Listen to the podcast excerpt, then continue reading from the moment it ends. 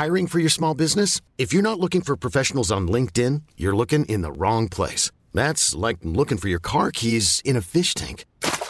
LinkedIn helps you hire professionals you can't find anywhere else, even those who aren't actively searching for a new job but might be open to the perfect role. In a given month, over 70% of LinkedIn users don't even visit other leading job sites. So start looking in the right place. With LinkedIn, you can hire professionals like a professional. Post your free job on linkedin.com slash achieve today.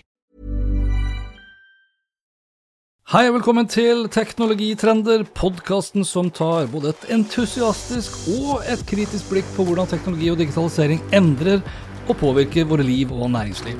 Episoden presenteres av Episenter, Oslos hub for digital innovasjon og et økosystem for innovative selskaper i vekst. Gå inn på episenteroslo.com og bli medlem du også. Må det som er ekte være virkelig? Altså Må det være fysisk, og hvis så, hvorfor? Kan en virtuell opplevelse f.eks. være ekte? Eller måles eksistens kun i den fysiske verden? Kan ikke den virtuelle virkeligheten også være ekte, selv om den ikke er fysisk? Og hvis den ikke er fysisk, betyr det det samme som at den er fiktiv? Altså Må det som er ekte ha en objektiv eksistens?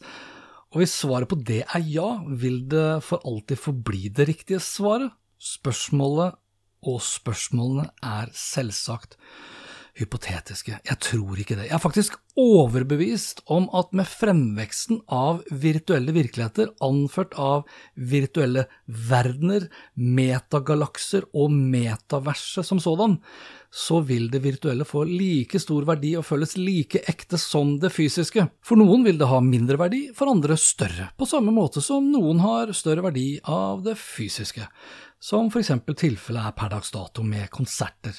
Den samme konserten, både fysisk og virtuell, vil oppleves forskjellig fra person til person. Ikke minst vil også verdien av den virtuelle opplevelsen forsterkes etter hvert som teknologien blir bedre, såpass god at du i praksis ikke vil være i stand til å skille mellom det fysiske og det virtuelle. Nå er vi ikke der før om noen år, men på et eller annet tidspunkt vil kanskje den virtuelle opplevelsen overgå faktisk den fysiske. Og er det først da vi vil kunne si at opplevelsen er ekte? Nå er ikke en konsert det eneste som kan bli en like god, eller til og med en bedre opplevelse virtuelt fremfor fysisk, og det er heller ikke slik at det må være snakk om enten eller. Tvert imot. Det å handle varer og tjenester har i stor grad blitt en virtuell hendelse, men vi snakker like mye om kundeopplevelse av den grunn. Og varer som var fysiske før, er i økende grad virtuelle i dag, som eksempel når vi handler nyheter, bøker, musikk og filmer. Selv ikke kjøpet er fysisk lenger, men virtuelt, digitalt, betalt med penger som ikke objektivt eksisterer, men som jeg vil tro fortsatt er å betrakte som ekte. I andre tilfeller finner vi virtuelle produkter som jeg vil påstå er bedre enn de fysiske, som eksempel eSIM-kortet. Digitalt, virtuelt, men fortsatt ekte, og som annet gjør det enklere å bytte mobilleverandør. Og det er ikke alle som er like glad for det. Er det noen som husker da vi måtte dra ned til Televerket, gode, gamle Televerket, og hente ut nye SIM-kort? Den friksjonen der vil ikke jeg tilbake til, iallfall. Og selv om det fortsatt finnes noen nordmenn som fortsatt ikke vil lære seg å bruke nettbank, så tror jeg det er en større majoritet som foretrekker å dra til den virtuelle banken fremfor den fysiske. Det begynner å bli så smått mange eksempler på hvor fraværet av det fysiske har redusert friksjon og forbedret opplevelsen samtidig. Men enn så lenge har vi fortsatt bare kommet til slutten på starten av det som vil komme. Vi er ikke der i dag, vi er faktisk mange år unna, men en dag så vil infrastrukturen internett er bygd på, være i stand til å rendre både 4 og 8K video i sanntid for millioner av mennesker samtidig, slik at du og jeg kan ha en virtuell opplevelse bestående av både lyd og video, og det av så god kvalitet at det vil være vanskelig å skille opplevelsen med den fysiske. Og i begge tilfeller vil det oppleves ekte, selv om opplevelsen ikke er basert på en objektiv eksistens. Dit vil vi komme med metaverset. Det tror jeg faktisk er uunngåelig. Metaverset i dag er kanskje bare en hypotese, et konsept, en idé, men det kommer til å bli realisert. Til det er det for mange aktører som allerede har plassert altfor mye penger til at det kommer til å stoppe opp. Men i motsetning til både PC- og mobilæraen av internett, tror jeg ikke regulative myndigheter vil være like passive og etterpåkloke denne gangen. De som derimot ikke ser ut til å ha lært noe som helst av historien, ja, det er mediene. Fortune for eksempel skriver at Mark Zuckerberg har blitt gjort til latter verden over for sin Metaverse-satsing, som så langt har kostet Meta over 10 milliarder dollar. Det tyder først og fremst på at det ikke er så mange medier, les journalister, som forstår hva som kreves av maskinvare, ikke minst for å skape et fullverdig metavers.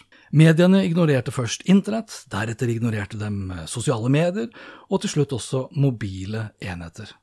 Og nå er det metaverset som slipper latteren løs, og det tror jeg de gjør dumt i. Meta, Microsoft, Sony, Epic Games, Electronic Arts, Louis Vuitton, Hennes og Maurits, ja, listen over store selskaper som investerer i virtuelle verdener, både med hardware, software og tjenester, vokser for hver eneste dag som går. Jeg ville ledd mindre av metaverset og heller fokusert mer på hva metaverset er, og hva det kan bli, hva som kreves for å komme dit, og hva EU gjør for å forstå bedre hvordan metaverset skal reguleres. Vi vet jo alle sammen hva som skjer med dem som ler sist. Og det er lenge den latteren kom fra dem som lo først, altså mediene. Dette var det for denne gang. Inntil neste episode, vær nysgjerrig, still kritiske spørsmål, ikke bli en teknosjåvinist du heller. Lenker til alt jeg snakket om finner du som alltid på Hans Petter Lotin. Snakkes, hei då.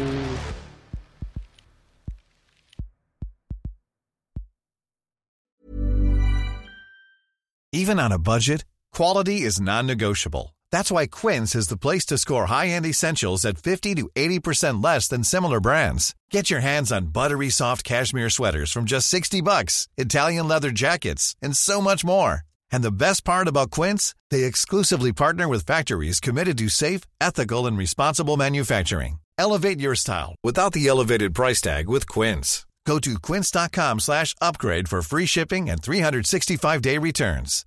My business used to be weighed down by the complexities of in person payments. Then, Tap to Pay on iPhone and Stripe came along and changed everything. With Tap to Pay on iPhone and Stripe, I streamlined my payment process effortlessly. Now I can accept in person, contactless payments right from my iPhone. No extra hardware required. What's truly remarkable is how I can cater to all of my customers' payment preferences. Whether they're using cards, Apple Pay, or other digital wallets, Tap to Pay on iPhone and Stripe ensure a smooth checkout experience every time. And it's not just me. Stripe helps businesses of all sizes, from local markets to global retailers, scale quickly and stay agile. To learn how Tap to Pay on iPhone and Stripe can help grow your revenue and reach, visit stripe.com/tapiphone.